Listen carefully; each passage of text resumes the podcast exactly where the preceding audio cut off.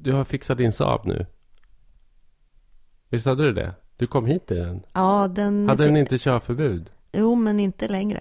Nej. Vad var felet? Eh, Det var någon felriktad strålkastare. Ehm, Var det flera fel? Fick du liksom uppsöka verkstad? Hade du två år? alltså det, nu för tiden så är det väl bara två år. Alltså, Jaha, det typ, kanske ja, Just det. Ja, typ ja, det är så. så.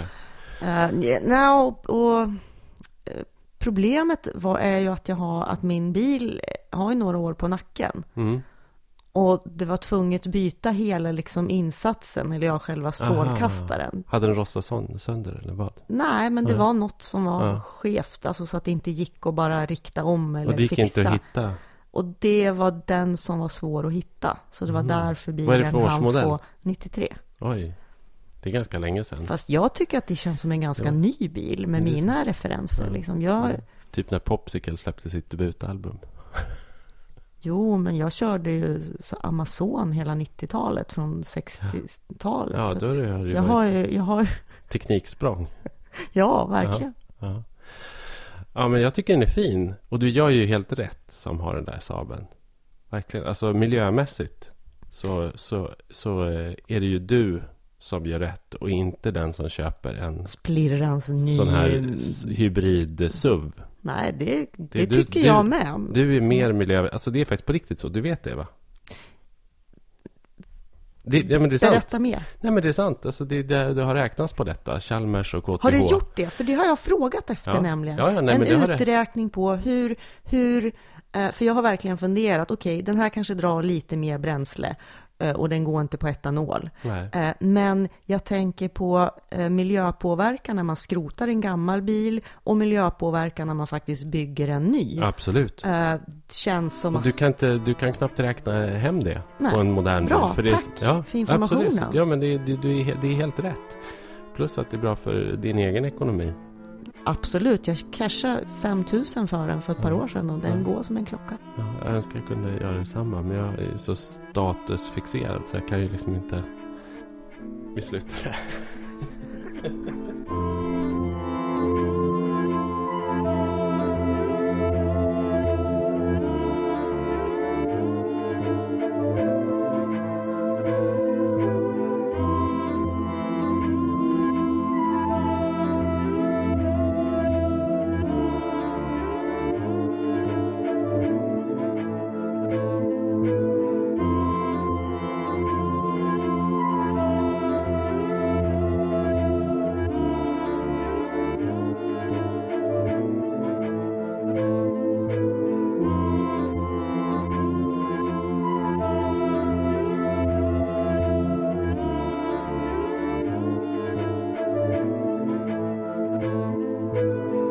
här är Norrlandspodden med Mm. mig, Sofia Miriamsdotter och Po Tidholm. Ja. Hej. Hej. Ehm, Du har gjort tv och vi har redan pratat om det. Mm. Men vad vi inte har pratat om, det är ju att det har ju framkommit en del kritik Mm. eh, som, som gör gällande att det här programmet har då ett väldigt tydligt vänsterperspektiv Det är socialistiskt. till och med. Så, alltså säger inte jag, utan det var Maud Olofsson som sa det. Maud Mm. Nuon Olofsson, som Mm. vi kallar henne. Sen, alltså kritiken har ju sett ut på olika sätt. Allt ifrån att varför låter man en vänsterperson göra tre timmar Mm. i public service till eh, varför när man äntligen ska prata om landsbygden gör man det på det här vänstervridna sättet. Mm. Eh, Ska vi bena ut det där lite? Mm. Mm. jag tycker vi ska göra det. Eh, Alltså den här diskussionen om huruvida jag är vänster eller ej. Den tycker inte jag är så fruktansvärt konstruktiv eh, direkt. Det är ju inte direkt en diskussion som jag vill ha. Framförallt så tycker jag att den är ointressant med tanke på att det finns någonting som heter journalistisk metod. Mm. Eh, Och så länge man använder journalistisk metod när man gör den här typen av dokumentärprogram Så så, det inte spelar det ingen roll roll. Vad man har personligen för värderingar. Nej. Nu är det ju, det är någon redaktion på SVT som håller på med något program och som har skickat ut en enkät till alla medarbetare för att fråga om de, eh, vad de har för politisk... Och, just, och, och jag tror syftet var just att ta reda på huruvida Sveriges Televisions medarbetare är eh, vänstervridna då. Om det finns någon sanning i den myten. För det är ju... Men, det, problemet, problemet med det är ju att det här har ju redan undersökts. Det finns ju tydlig forskning som visar eh, möjligen att journalister är mer vänstervridna än andra, men det, vis, det finns ju också forskning som visar att det inte påverkar eh, journalistiken. Det är ju det enda som är det Precis, relevanta. det är ju det enda som är När intressant. man tittar till exempel mm. på Sveriges Televisions och Sveriges Televisions eh, och Sveriges Radios eh, valbevakningar så mm. kan man konstatera att alla partier får så mycket utrymme som de förtjänar i förhållande till sin storlek. Vissa får till och med mycket mer utmärk, utrymme. Eh, inget parti har särbehandlats eller, eller gynnats eller, eller förnekats eh, att komma fram på, på något eh, uppseendeväckande sätt. Det går helt enkelt inte att anföra den typen av kritik mot public service. Sen kommer ju den alltså det är ju intressant att den typen av kritik kommer ju i perioder och beroende på vad det är för program man kritiserar, både från höger och vänster. Eh, ja. Alltså ibland, och särskilt har, vet jag chefer som jobbar på SVT som säger att de kan få kritik från vänster, att nu har ni låtit den här höger, ja, ja. ja så, är det, så är det väl absolut. Ja. Så, så, så, så, det, finns inga, det finns inga direkta sanningar. En sak som är slående och läskig, det var ju att eh, en av de som angrep mig Eh, inte programmet, för att det kändes inte som att det handlade om det överhuvudtaget, utan bara det var ett angrepp på mig och min eventuella politiska hemvist var den här liberala debattören Fredrik Segerfeldt som skrev en Expressen-debattartikel eh, och tog upp mitt, eh, min serie som exempel. Och det som hände då var att han fick över tusen mentions på en dag eh, från en massa jätte, jätteglada högerextrema halvnazistiska internettroll. Ja, jag såg att han till och med också sa ifrån på skarpen. Som de... han röt mm. ifrån. Han ville inte ha deras stöd helt enkelt. Det var inte den typen av kamp han ville, han ville föra. Eh, och det där är ju, det säger ju också någonting om vilka det är som är den liksom högröstade, högröstade opinionen i den frågan. Det finns en annan högröstad opinion som jag kände att jag blev någon slags slagträ Eh, för. Och det är ju den här Alltså det är ju den här Timbro-klicken som helt enkelt hatar public service av ett enda skäl. Och det är för att man tycker att public service är marknadsstörande och att man tycker att det är ett vettlöst slöseri att det sänds så mycket tv utan reklam i. Därför att tänk om man bara så släppte fritt eh, och att allt detta kunde liksom vara reklam-tv och tänk så mycket eh, liksom, reklamomsättning man skulle kunna få i de kanalerna då. Mm. Och, och därför så eh, angriper man Sveriges Television på alla sätt man kan. Eh, och gärna med det här argumentet att Sveriges Television är vänster. Så att, men det är en diskussion. Nu är ju både du och jag public service-kramare, tror jag. Så att vi behöver inte utveckla Nej. det eller börja... Men, men det finns ju en annan kritik som av någon eh, anledning, och det är mot, mot, så att säga, det är mot programmet, ja. innehållet i programmet. Mm, det är ju mycket mer intressant. Och den kommer, och det är liksom att programmet har ett vänsterperspektiv och det är liksom, och, och att det är deppigt. Mm. Nu kommer På Tidholm och liksom visar oss Norrlands deppen igen. Och det har väl och fått... Det, men, och den kritiken kommer påfallande ofta från centerpartister i Norrland. Ja. Vad beror det på? Jag frågar dig. ja, vad ska jag säga? Alltså, det här har ju, jag tycker att det är intressant, för det har verkligen på allvar fått mig... Det har ju klart att jag har reflekterat över det tidigare, men det har ju fått mig att tänka på liksom, hur den politiska dimensionen i landsbygdsfrågan egentligen ser ut. Vilka läger finns det? Går det att överhuvudtaget applicera en höger och vänster liksom, dimension på den här frågan? Eller är det den här berömda Galtan-skalan man ska applicera på landsbygdsfrågan också, som alla andra frågor? Men, vi, vi kan komma till det. Vi, vi kan, komma, till, komma till det. Men, men, okay, men, men vi börjar med Jag skulle vilja fråga, fråga, eller ja, eh, du som ändå kanske har tagit del direkt av mer av kritiken. Mm. Är det någon som på något sätt förklarar lite mer konkret vad det är som är vänster i ditt program. Nej, det tycker För jag inte. För det undrar jag. Vad, vad är det som är vänster med att eh, jag, jag, om, om jag bara ska helt kort säga, jag tycker att du har låtit flera röster komma till tals, mm. eh, inte minst röster från Centerpartiet. Mm. Eh, eh du låter du visar på positiva exempel, här går det bra. Mm. Du visar på exempel på byar där de stänger skolan och det är deppigt. Liksom. Mm. Men, men jag har väldigt svårt att se hur det skulle kunna vara ett vänsterperspektiv. Jo, det som är vänsterperspektiv då tror jag, tolka, om jag ska tolka det, eh, om jag ska försöka tolka det här, för det, det, är de inte så bra på själva. De är inte så himla duktiga på att eh, liksom verbalisera den där kritiken, kan jag tycka. Eh, det är väl att... Eh, alltså, det är flera olika saker. Men jag skulle nog säga att, att det har blivit oerhört problematiskt att diskutera, eh, diskutera marknadslösningar i, i, alltså i den svenska debatten överlag. Och det här programmet gör ju det. Den här svenska, alltså jag, jag kan ju tycka att... Du menar att överhuvudtaget ifrågasätta ja, marknaden? Ja, men faktiskt. Mm. Därför att om man tänker på så, så här, vad, vad, vad, vad, liksom, vad vilar den svenska landsbygdens framtid på? Jo, den vilar ju då på, som, som så mycket annat i samhället, vilar ju på, på två ben. Den vilar på liksom eh, politikens ansvar och så vilar, vilar den på marknaden. Eh, och det är, de två, det är de två faktorerna. Och det gör, ju, det gör ju livet i städerna också. Jag vet inte om du läste häromveckan så, så hade Svenska Dagbladet en jättestor, jättebra granskning av stadsbyggnadskontoret i Stockholm det, som, det känns som att det har blivit ganska korrupt och det, det, har liksom löpt amok och man tillåter ombyggnationer och nybyggnationer som man inte borde tillåta eh, av liksom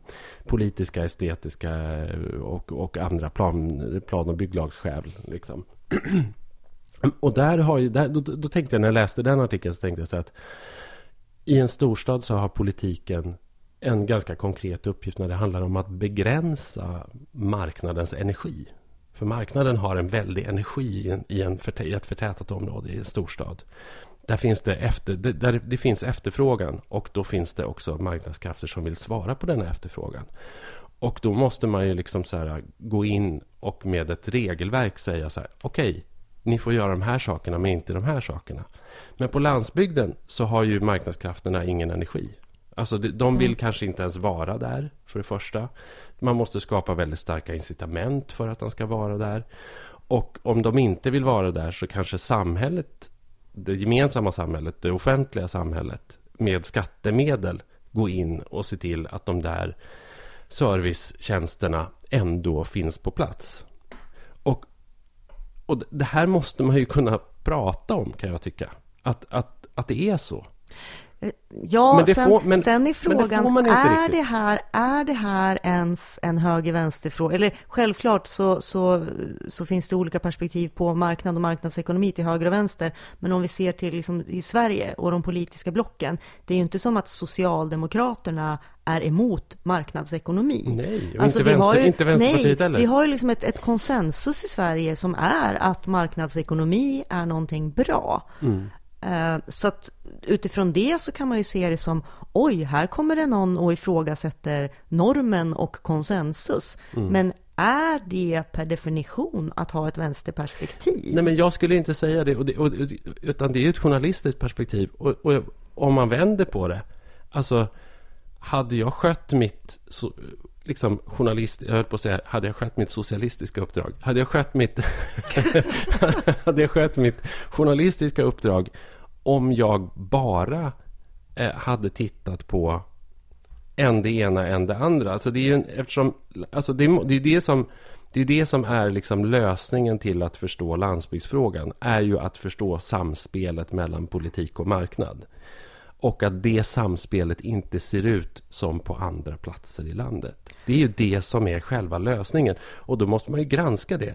Man kan ju inte granska landsbygdsfrågan utan att titta på det samspelet. Det men, vore, men om jag ska säga så här, om, om, om, man bara ska koka ner det här då till att vi, vi ska, vi gör en test här. Ja. Vi ska kolla på, är du vänster eller liksom, har, är, har du ett vänsterperspektiv? Eh, tror du att landsbygden i Sverige skulle ha mått bättre av typ en vänsterpartistisk regering de sista 30 åren? Nej, det tror jag inte. Och det är av, av det enkla skälet att, att hela landsbygdsfrågan är avpolitiserad. Eh, att om man tittar, vilket jag faktiskt har roat mig med på sista tiden. Jag, liksom, jag fick faktiskt en ny energi av den här debatten. Och jag har börjat läsa. Jag har gått in och läst en hel del liksom, Eh, landsbygdsprogram och jag har kollat vad politikerna motionerar och jag har läst, jag har plöjt ett par doktorsavhandlingar som är jätteintressanta. Och, och forskarvärlden är ganska enig om det här. Sen vi avskaffade den nationella regionalpolitiken 1998 så kan man inte se skillnad på de olika svenska politika, politiska partiernas liksom, inställning till landsbygd och man kan knappt skilja motionerna åt. Men det var ju en person i ditt program också som sa det. Jag vet inte om hon var forskare eller mm, statsvetare. Statsvetare, ja, Malin eh, Som ju sa det, att, att eh, vi har eh, dekonstruerat de politiska verktygen ja. för att driva landsbygdspolitik. Och det har alla partier gjort samfällt. Så jag tror ju liksom att det är det som är det deppiga med frågan också. Att, att i, i grund och botten så spelar det faktiskt ingen, ingen roll. Jag tror ju liksom att, jag menar, vi kommer ganska nyligen från åtta år med en alliansregering och där då Landsbygdspartiet, Centerpartiet dessutom ägde näringsdepartementet under åtta år. Och det finns inga, det, det finns inga, liksom, det finns ingenting eh, som blev bättre på svensk landsbygd under de åtta åren. Inte ens det här berömda företagsklimatet då som ska rädda landsbygden enligt Centerpartiets sätt att se det blev bättre. Utan faktiskt tvärtom så, så säger liksom näringslivsföreträdare och organisationer i Sverige att regelverken faktiskt till och med blev krångligare under vissa perioder av, av alliansens maktinnehav. Så att eh, och, och, och, nu har vi eh, en socialdemokratisk regering med stöd av, av eh, Miljöpartiet och eh, Vänsterpartiet. Och det gör inte, det, det gör inte heller någon skillnad. Det har vi ju pratat om för specifikt Miljöpartiet. Kanske inte egentligen är det är så. Det är ett storstadsparti. Ja. Men, men behövs det en specifik landsbygdspolitik. Och hur tycker du att den ska se ut? Ja, det här ja, det är 10 000 kronor fråga. Ja, men det, det är ju det. det ja, men, alltså, men här, vi måste ju... Ja, alltså det kommer ju i, i alltså den 31 januari så, så kommer ju Landsbygdskommissionens eh, slutbetänkande. Det pågår ju en utredning och då ska de eh, presentera en ny sammanhållen politik för svensk landsbygd. För att Eh, Eh, och det här är ju en, det här är, det här är, det är ju en kommission där, där det sitter moderater och folkpartister och miljöpartister och vänsterpartister och sossar. Och, och, eh, och de, har, de har ju identifierat det här. Man säger ju rakt ut. Det har inte funnits en sammanhållen regionalpolitik för Sverige sedan 1998. Men nu ska vi sätta oss ner och vi ska komma överens och vi ska formulera en. Och vad den kommer innehålla, det, det vet ju ingen än. Det, men, men jag ja, en sak kan man ju vara ganska säker på och det är ju att den kommer vara ganska urvattnad därför det kommer ju vara liksom ett, en kompromiss. kompromiss. Mm. En kompromiss. Och troligtvis så kommer den inte innehålla några som helst ideologiska eh, alla ideologiska spänningar kommer ju vara borta i den mån de överhuvudtaget har funnits Men är där. inte det här generellt ett symptom Eh, alltså, dels den här avpolitiseringen och det här som du beskriver och hur du tror att den här utredningen kommer att se ut på att landsbygdspolitik eller glesbygdspolitik eh, får du inga röster på. Och politik går mycket, alltså mer och mer, jag, jag, tycker det är väldigt tydligt nästan från år till år, eh, att det handlar om att kortsiktigt vinna väljare, vi går mot mer populism, det handlar om att behålla makten eller att ta makten. Och ingen, alltså det gäller ju inte ja. bara glesbygden, det gäller ju många andra frågor som är långsiktiga. Ja. Och så förvaltar man uh, inom ramarna precis. för liksom, och ramarna blir bara mindre och mindre. Och, liksom. och att, det, att det har på något sätt nästan helt raderats eh, kanske inte från den praktiska politiken, för sagt, vissa saker måste ju ändå förvaltas, men från hela den offentliga politiska debatten. Mm. Vi har fler frågor som helt enkelt inte vinner några röster och då behöver vi ingen politik eftersom eh, vi kommer ändå inte att få fler väljare om vi driver den här frågan. Men det intressanta är att jag tycker att landsbygden som politikområde ändå har en slumrande potential för de liksom, politiker som skulle vilja ge sig in i en ideologisk strid. Just på grund av det här som jag pratade om nyss. Att den här frågan på något sätt tydliggör samspelet just mellan det offentligas ansvar och marknadens ansvar. Det blir väldigt, man skulle åtminstone kunna tydliggöra den konflikten där. Om man är intresserade av att ägna sig åt den konflikten. Om man tycker att man har någonting att vinna på det, vilket jag tvivlar på att politiska partier har idag. Men om man tycker sig att man skulle ha någonting att vinna på det, så är det en fantastiskt bra konfliktzon. Och med en slumrande potential. Men då bygger det ju ändå på, för att du ska kunna få, få fram den här politiska konflikten, så måste du också kunna presentera någon form av program och någon form av mm. lösning. Så här mm. tänker vi lösa de här problemen och då måste man också vara överens om vad som är problemet.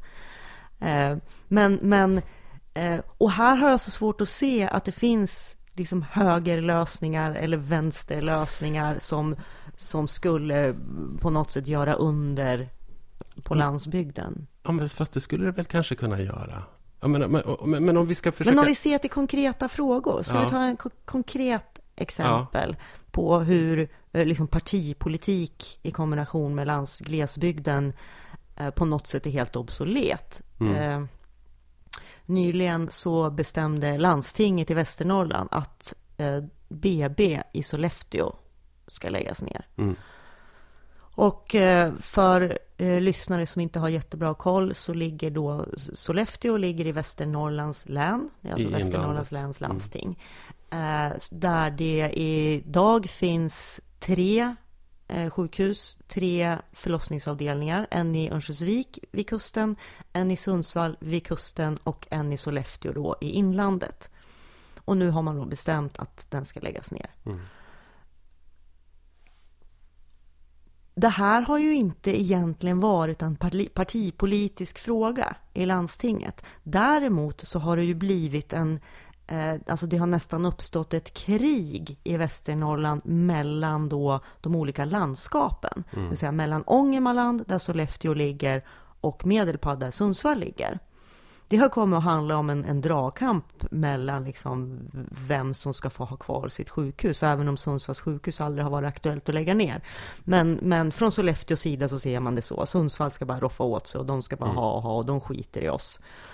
Uh, och och det här har ju splittrat partierna. Det här mm. har ju splittrat Socialdemokraterna i Västernorrland genomgår ju en jättekris. Är, man ser ju också det det är snar, som sagt, det handlar om Ångermanland mot, mot Medelpad och det var ju ovisst in i det sista, alltså till röstningsdagen, eh, hur det här beslutet skulle falla ut.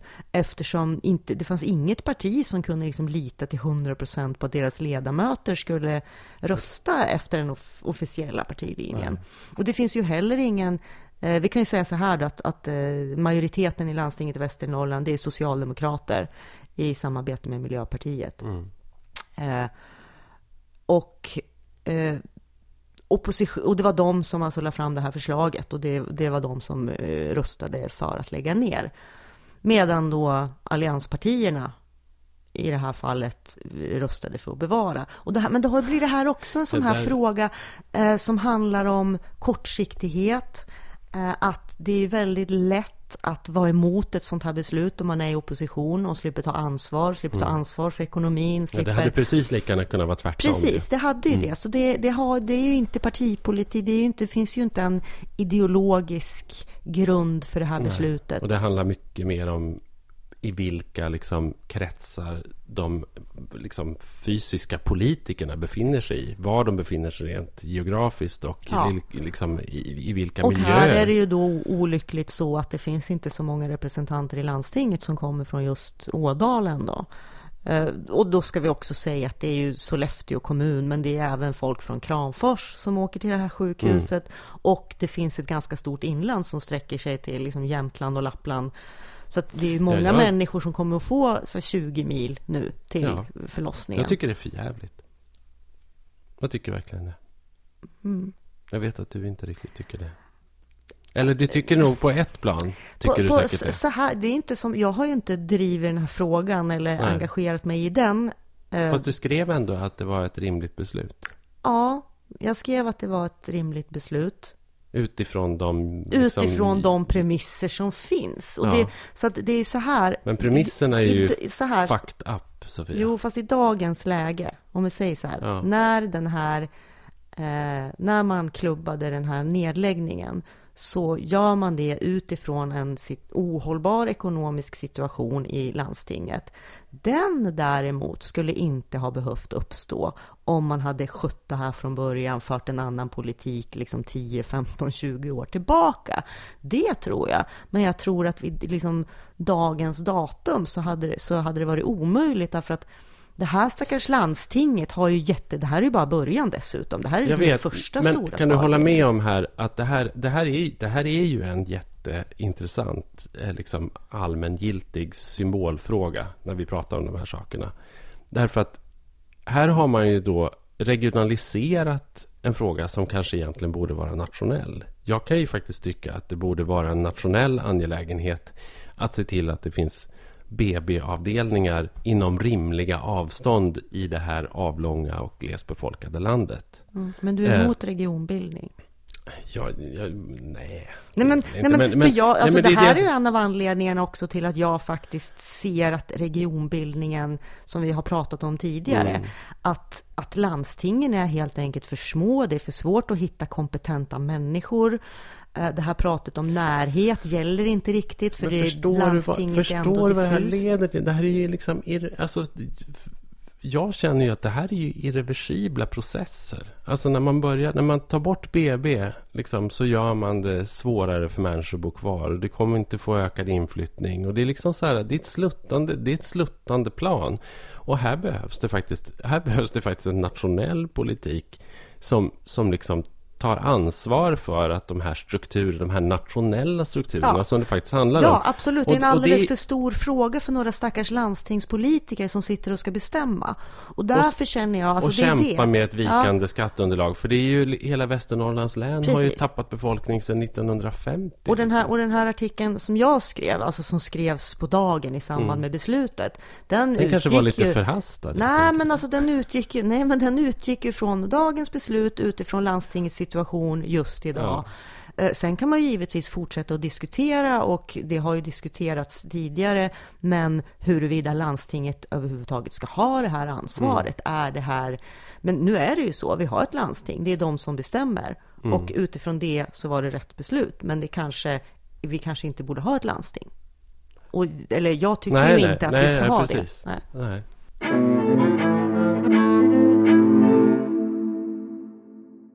Förut så har vi haft sponsorer till den här podden. Ja. Det har vi inte längre. Nej, det är vi glada för. Ja, det är skönt att slippa... Ta hänsyn. Ja, eller ta eller, hänsyn det har vi, inte kanske gjort, inte så mycket, men... Men, men, nu, är det ju, nu är det ju du som lyssnar som är sponsor av podden. Om, om, men det är ju helt frivilligt. Men man kan ju gå in på eh, patreon.com snedstreck Norrlandspodden. Och där kan man välja eh, hur mycket man vill stödja varje utlagd podd med.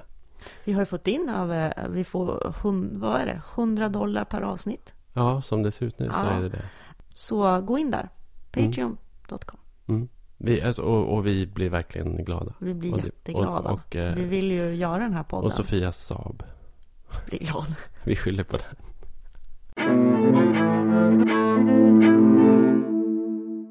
Men alltså om vi ska... För, alltså, kan vi försöka politisera landsbygdsfrågan lite grann? Ska vi, vi, kolla vad partierna har för landsbygdspolitik? Ja, det, det är jag, väl en bra början. Mig, jag har roat mig med att kolla lite ja. partiprogram. Ja.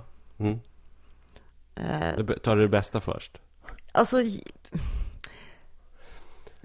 Jag skulle säga så här. Uh, det har ju du redan lite sagt också. Det är ju ingen som har någon landsbygdspolitik. Och vi ska helt enkelt bara bevisa det här nu.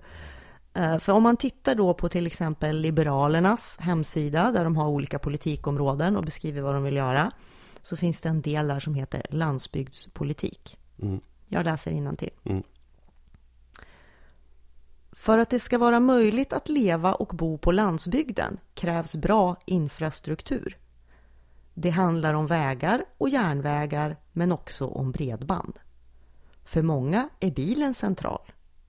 Vi vill avskaffa pumplagen som lett till stängda bensinstationer. Och sen så, och, det här är liksom texten. Det här är Liberalernas offentliga Och sen så har de då, så, så avslutar de med så här. Vår politik. Två punkter landsbygdspolitik. Ett. Satsa på bredbandsutbyggnad i hela landet. 2. Avskaffa pumplagen. Det är ju helt briljant. Va? Rösta på Liberalerna för en fantastisk och mångfacetterad och eh, kraftfull eh, landsbygdspolitik. landsbygdspolitik. Vi kan, vi kan ta ett annat parti. Bara. Jag får bara säga det här. Jag tycker att det, är så himla, det här är ju så himla corny och roligt. Men, men är, man har ju näst, nästan aldrig tänkt på Liberalerna heller som ett parti som någonsin har varit engagerad i landsbygdens väl och ve. De, nej, nej, de ingen, har ju inte någon sån profil det överhuvudtaget. Det är ingen som förväntar sig kanske att just Liberalerna ska ha De är intresserade av tre saker framförallt, Liberalerna. Det är NATO, NATO och NATO. Eh, men det här, jag tycker att det är så roligt det här med pumplagen. Eh, eftersom man, man, man liksom så väljer ut en sån fråga därför att det är ett sånt övergrepp mot den individuella friheten att bensinmackar över en viss storlek i Sverige skulle vara tvungen att sälja till exempel gas eller etanol. Det är ju helt fruktansvärt. Verkligen, det måste vi. Det är ju ett oskick som vi måste sätta stopp för, tycker jag. Eller hur? Vad säger du som liberal ledarskribent? Dra en lans för detta nu, Sofia. Jag, jag, tycker att vi ska möjliggöra gårdsförsäljning av öl, vin och cider. Ja. För det är nämligen en punkt på Moderaternas program. Ja, en av få. En av fyra punkter. Ja, okay. Eh, jag kan dra dem, alla mm, fyra. Mm. Moderaternas landsbygdspolitik mm. enligt deras egen sajt. 1. Mm. Vi säger nej till skattehöjningar på jobb, företagande och drivmedel som slår särskilt hårt mot landsbygden. 2. Vi vill stärka förutsättningarna för företagande på landsbygden. 3. Vi vill se en effektiv, hållbar och pålitlig infrastruktur för att bättre binda ihop landet. 4. Vi vill möjliggöra gårdsförsäljning av öl, vin och cider samt att regelverket förenklas vad gäller egenproducerat livsmedel. Ja. Det är en fis i rymden. Alltså det, jag kan ju säga då som liberal att jag håller med om de här punkterna. Men det är ju inte ett landsbygdspolitiskt program. Det Nej. är ju eh, Alltså som det här med gårdsförsäljning av öl. Det är mm. ju faktiskt helt otroligt hur vissa har gjort det till sin absoluta huvudfråga. Nu kan jag i och för sig se om, om liksom fortsättningen här, att regelverket ska förenklas när det gäller egenproducerade livsmedel. Ja, jag tror verkligen att det är många i glesbygd och inte minst i Norrland. Vi har väl haft något exempel. Jobbar man på en fäbod eller har man ett gårdsmejeri eh, Mm. Där det är ett alltså, krångligt alltså, regelverk. Fast det har faktiskt, alltså, jämfört med hur det var för 10-15 mm. år sedan så, så det, har det förändrats något mm. enormt. Det är ganska nu är det ganska rimligt och det ja. är mycket lägre krav. Så att, så att jag, tror det, inte att, jag tror ju inte att liksom ölbryggeri är det som kommer att rädda Norrland. Nej. Hittade du något? Kollade du KD för övrigt? Jag kollade KD. De har ju mycket mera text. Men ja. man kan säga att deras lands, gles, landsbygdspolitik är indelad i tre punkter. Gud ska rädda landsbygden. Nej, du ska få höra. Ja. Den ena är jordbruk. Den andra är skogsbruk. Och den tredje är fiske. All right. De har ju verkligen gått på så här 1800-talsdefinitionen av vad som är landsbygd, helt ja. enkelt. Ja, sen har de utvecklat då hur vi ska ja. utveckla jordbruket, skogsbruket och fisket ja. på landsbygden. Okay. Mm. Det är lite slappt. Centerpartiet har ju desto mer politik. Och ja, en, och, de har ju ett en, program faktiskt. Och, och mm. en väldigt rörig politik kan man ju också säga, som pekar åt väldigt olika håll. För Centerpartiet är ju ett spännande parti på det sättet att det att där finns ju liksom hela spektrat av liksom alltså människor som, som verkligen helhjärtat och med liksom libertariansk glöd tror på en, en liksom avreglerad nattväktarstat och att det ska rädda landsbygden. Och sen eh, finns det ju de här som liksom på, på ett liksom feldinskt, eh, närmast så här gammalvänsteraktigt, Åsa-Nisse marxistaktigt mm. sätt eh, tycker att man ska använda fördelningspolitik och beskattning och eh, liksom eh, utjämning. Men det här säger ju också, alltså den här med Centerpartiets förändring, mm. utveckling, det är ju en ganska tydlig illustration också av hur hela, hela glidningen, ja, ja. Mm. precis hela glidningen, att hela Sverige har tappat landsbygdspolitik, att det inte längre är en viktig fråga. Eh, för att när Centerpartiet då var satt regering, alltså Fälldin-tiden, Ehm, så då var det ju ett landsbygdsparti, det var ett bondeparti mm. och det var just därför som partiet också kom till makten. Ja, och idag då, som påpekades också i, i det här resten av Sverige, ditt program, så skulle man kunna se den politiken som, som vänster, alltså liksom sosse, sosseaktig. Ja. Eh, fast, fast det, kan, alltså det skulle jag ändå vilja värja mig emot eftersom den skilde mm. sig ju väldigt mycket ändå från, från dåtidens, från dåtidens ja. socialdemokrater. Men om man, ställer den mot, om man ställer den mot dagens socialdemokratiska politik eller, eller icke-politik i landsbygdsfrågan så kan man ju säga att den går den går ju mycket längre än vad någon annat parti vill göra idag när det handlar om liksom, omfördelning av resurser i samhället. och så där. Det, det, kan man säga. Och decentralisering också av liksom, demokratiska processer och sådana saker. Så att det kan man väl, det kan man väl säga. Eh, det är intressant det här hur liksom likvärdiga villkor som det har pratats om väldigt länge på, på något märkligt sätt har glidit över och blivit lika villkor. Eh, där, det, det, tycker jag fångar Centerpartiets process ganska väl. Att likvärdiga villkor, vilket då är en term som inbegriper då kanske olika politik för olika delar. Det inbegriper också fördelningspolitik, utjämningspolitik, utlokaliseringspolitik. Har blivit lika villkor, vilket är då en enda liksom, politisk matris i alla miljöer i landet nästan.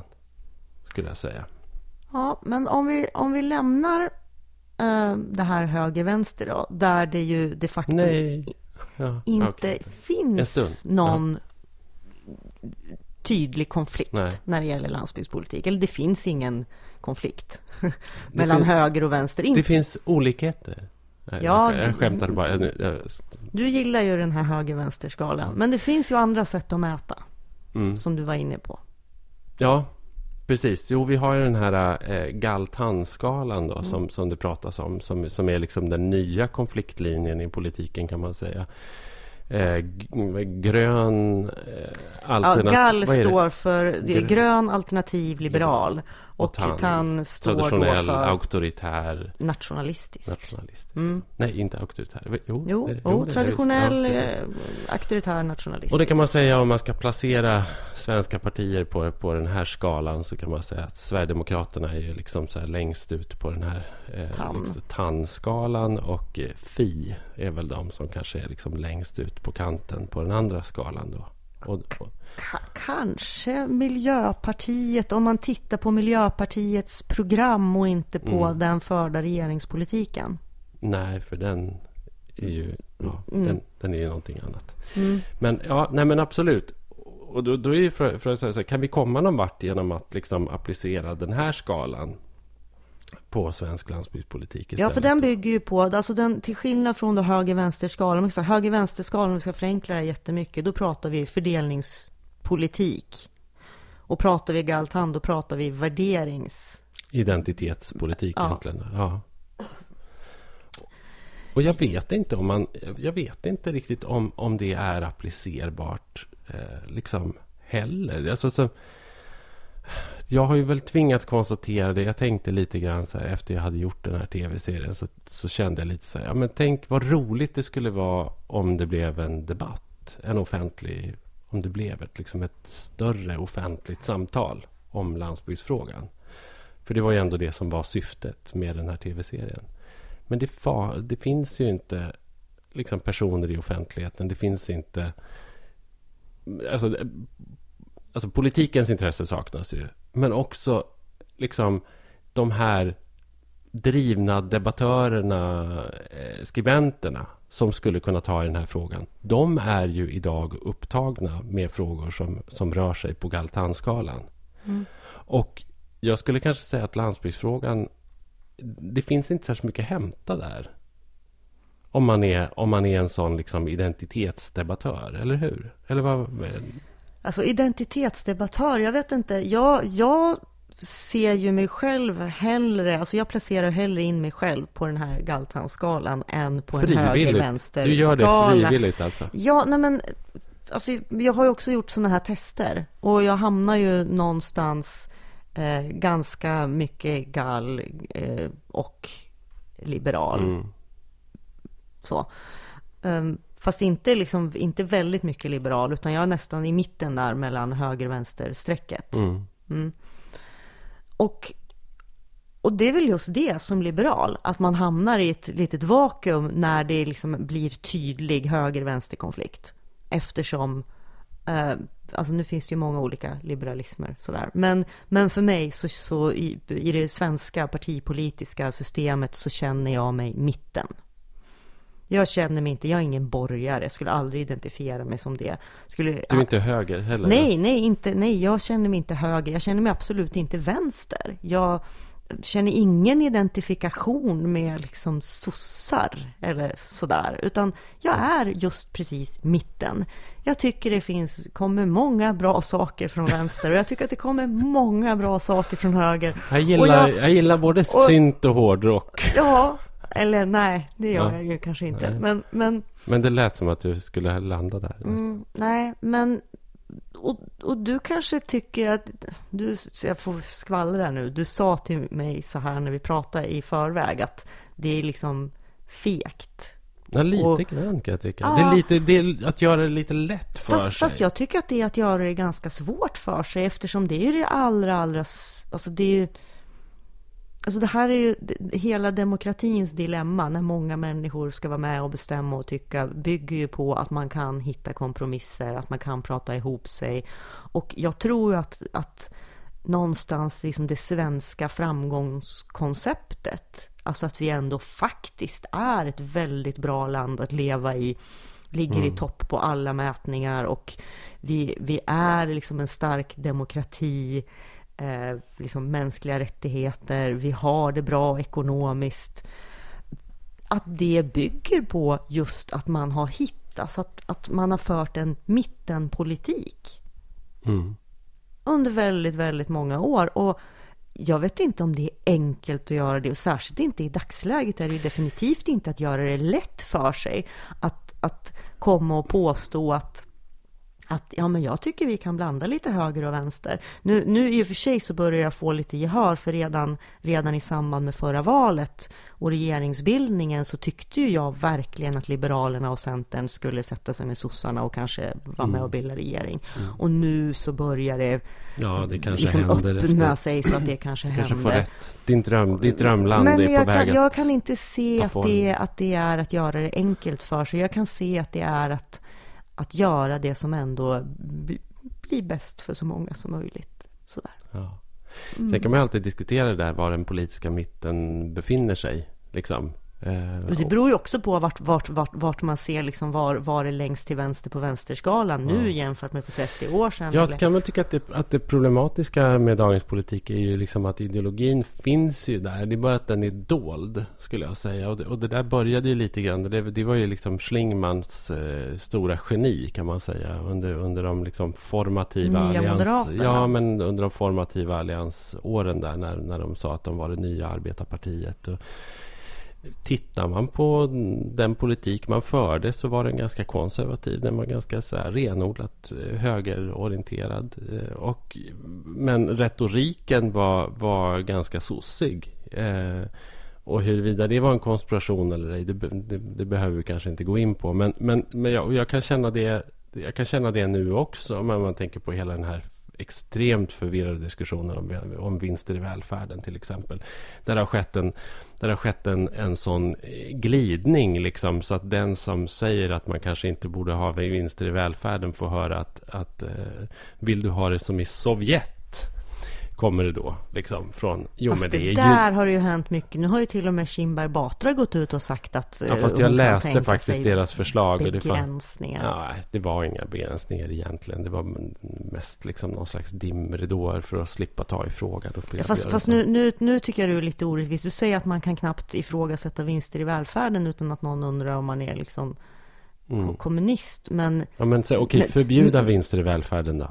Om man säger så här, vi ska ta bort all vi ska ta bort allt vinstuttag Men det är ju jättemånga som tycker det. Saken ja, är ju den att det är inte en tillräckligt inte... viktig fråga för folk. Så det fanns ett parti i valrörelsen som, som tyckte så. Det var Vänsterpartiet. Det hjälpte inte Om dem. Det, nej, men precis. Hade det varit den viktigaste frågan för folk så mm. skulle ju Vänsterpartiet ha blivit lika stort som sossarna. Ja, de gick ju all in på det och den... trodde att det skulle precis, vara det. Men nu är ju mm. inte den frågan så viktig för nej, folk. Nej, tydligen inte. Konstigt nog Precis som att säga. glesbygdsfrågan inte är nej, så viktig för inte, folk. Den är inte heller särskilt viktig.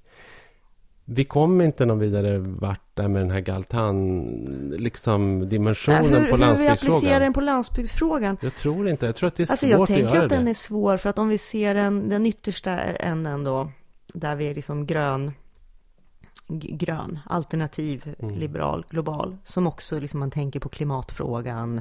Eh, det är också värderingar då som man bryr sig om. Med mm. klimatmål, ja. klimatet, människans frihet, globaliseringen, öppenhet kan vi säga ändå. Att, ja. liksom, att man, att man Fast å andra sidan så om man är, om man jo, men, är då traditionell, snackar om liksom så här fira midsommar i folkdräkt auktoritär, ja då tänker man kanske på det härliga gamla bondesamhället och äganderätten. Ja, alltså jag skulle och säga att nation, en liten här... nationalistisk, eh, det, det är så, så, ja, så framstår ju svensk landsbygd Ja, men enligt den här skalan så borde ju landsbygdspolitik vara på tann, eh, alltså, ja. åh, vi ska, vi ska, alltså för, för det är ju också så här klimatförnekare, Uh, nu menar jag ju inte, ja, nu menar ju inte jag att människorna i glesbygden är klimatförnekare, Nej. men jag menar att klimatförnekare som Sverigedemokraterna driver ju en politik som i praktiken då är bra för landsbygden, att vi ska sänka bensinpriserna, vi ska liksom mm. fixa det här. Vi... Men där har du, det är de här olika definitionerna av modernitet egentligen då, som egentligen är någon slags alltså så här, lantlig kontra urban och där, där, där liksom då eh, galllägret då, om man säger, eh, har ju då en syn på landsbygden som, som eh, som är idealiserad. Ja, lite romantisk. Eh, romant, ekologisk, mm. idealiserad, romantisk bild. Eh, och, eh, och sen så har du då den här tandskalan som ser, det liksom, som ser en möjlighet att liksom, här, här är en plats där vi kan bevara svenska värderingar. Gud vad hemskt. Mm. Jag önskar att det... Men, och, men, och, och då är det ju då är det kanske så lätt att tänka har, sig Har vi att... just föreslagit att, att nationalism och konservatism är lösningen för svensk landsbygd? Nej, det har vi verkligen inte gjort, det vill jag understryka. Men, men, men vad vi har sagt indirekt kanske lite grann är att, att galldimensionen av svensk landsbygd upprätthålls av, av en urban medelklass som bor i städerna och som då liksom applicerar sin liksom gröna alternativa eh, liberala syn på landsbygden. Medan den här tandskalan då kanske upprätthålls av människor på landsbygden i värsta fall då. Skulle man kunna tänka sig. Eller? Eller bor de i, småstäder, bor de i småstäder i Skåne? Ja, det, eh, det gör ju de flesta. Men... Och eh, vill använda... Ja, det är, det är otrevligt, men man tänker på landsbygden här som någon slags, verkligen som någon typ av verktyg eller projektionsyta som verkligen inte får existera på egna meriter utan som, utan som bara någon form av verktyg för att åstadkomma kortsiktiga politiska poänger. poänger. Ja. Så. Så. tillbaka till den härliga vänster-höger-dimensionen. För jag skulle vilja eh, ändå återknyta till det lite grann och till den här slumrande eh, då liksom ideologiska potentialen i frågan. Därför att det är ju ändå en arena där man skulle kunna diskutera om, tänker jag, så här att om man är höger så kan man använda det här för att diskutera då företagsklimat, entreprenörskap som en farbar väg, eh, avregleringar, diversifierad arbetsgivaravgift, eh, lägre skattesatser, ja. incitament, alltså sådana frågor. Är man vänster så skulle man kunna gå in i den här frågan från ett annat håll och verkligen prata om så här, marknadsliberalismens eh, fiasko och, eh, och liksom tillkortakommanden och eh, kapitalackumulation och hur mycket liksom det betyder att liksom var kapitalet vill vara och inte vara.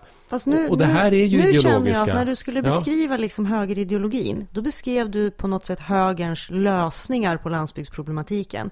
När du skulle beskriva vänster, då beskrev du vänsterns kritik mot högern? Vad är vänsterns lösningar på landsbygdsproblematiken utifrån en sån här ideologisk Ja, de är väl lika dåliga som, som alla andra lösningar då. Jag vet alltså jag, jag kan inte säga, jag är inte, jag, jag är inget språkrör för, för liksom vänsterns lösningar. Nej, jag lika ens, lite som jag är för höger. Nej, och jag sa inte det heller. Men, men du tänkte det ändå.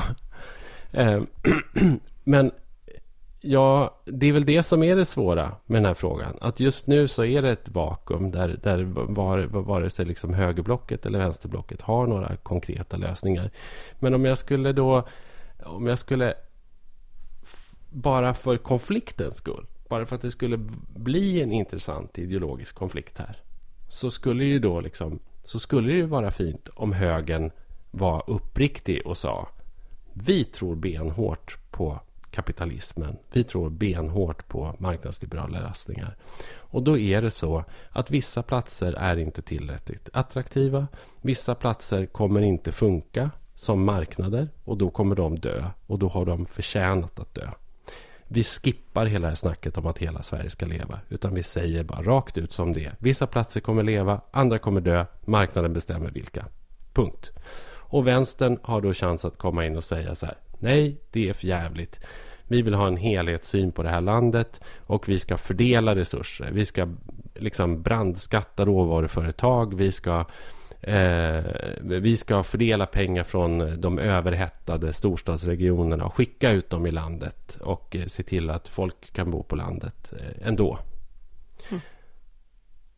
Men jag tror att du och jag har en, en gemensam, eh, någon, eh, totalt Eh, du och jag har en gemensam lösning på den här. Som, som vi båda kan eh, komma överens om, eller hur? Har vi det? Medborgarlön. Eh, lösning? Ja. Lösning vet jag inte, men, men... Vi skippar all politik och sen så får alla en summa pengar per månad. Nej, men här är vi ju inne, här, här, det är nu vi kommer på det här, eh, det är någon som säger så här, ja, bredband åt alla. Ja. Det stod i några program här. Ja. Eller, eh, dig digitaliseringen, vägar, eh, vägar eh, men, men det, alltså vi, vi, här bortser vi ju från ett dilemma som ingen kommunpolitiker eller landsbygdspolitiker eller en svensk riksdagspolitiker kan göra någonting åt, nämligen liksom hela den digitala revolutionen. Alltså är, vi lever ju på riktigt i en, i en digital revolution där det spås att hälften av alla jobb som finns idag kommer att vara borta om 15 år. Men det här borde vi och, prata om. Eh... Ska vi utveckla det här en annan gång? Ja, jag tycker vi gör det. Jag tycker vi suger på den. Ja, fundera på det. suga på de här karamellerna till, till nästa vecka. Det blir som en cliffhanger.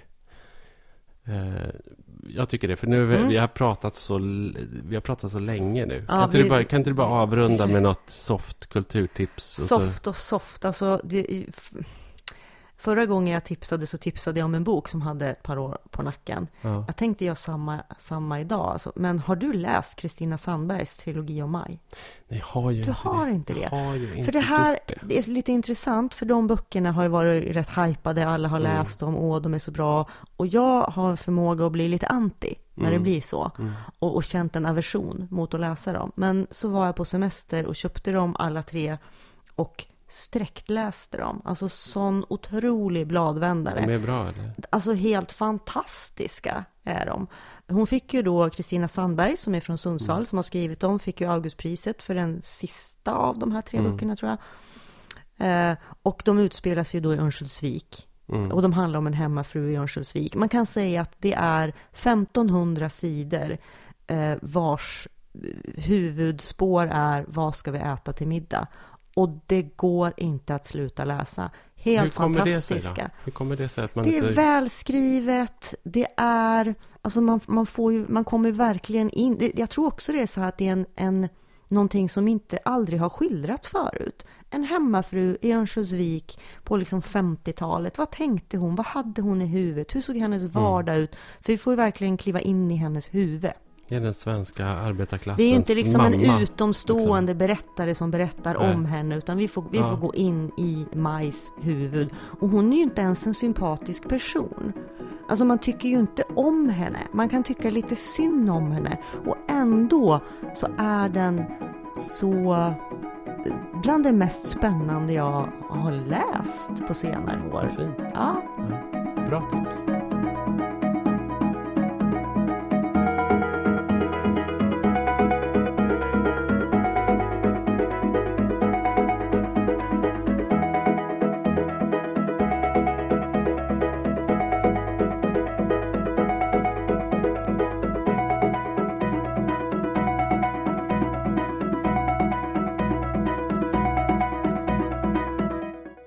Norrlandspodden är en produktion från Teg Publishing.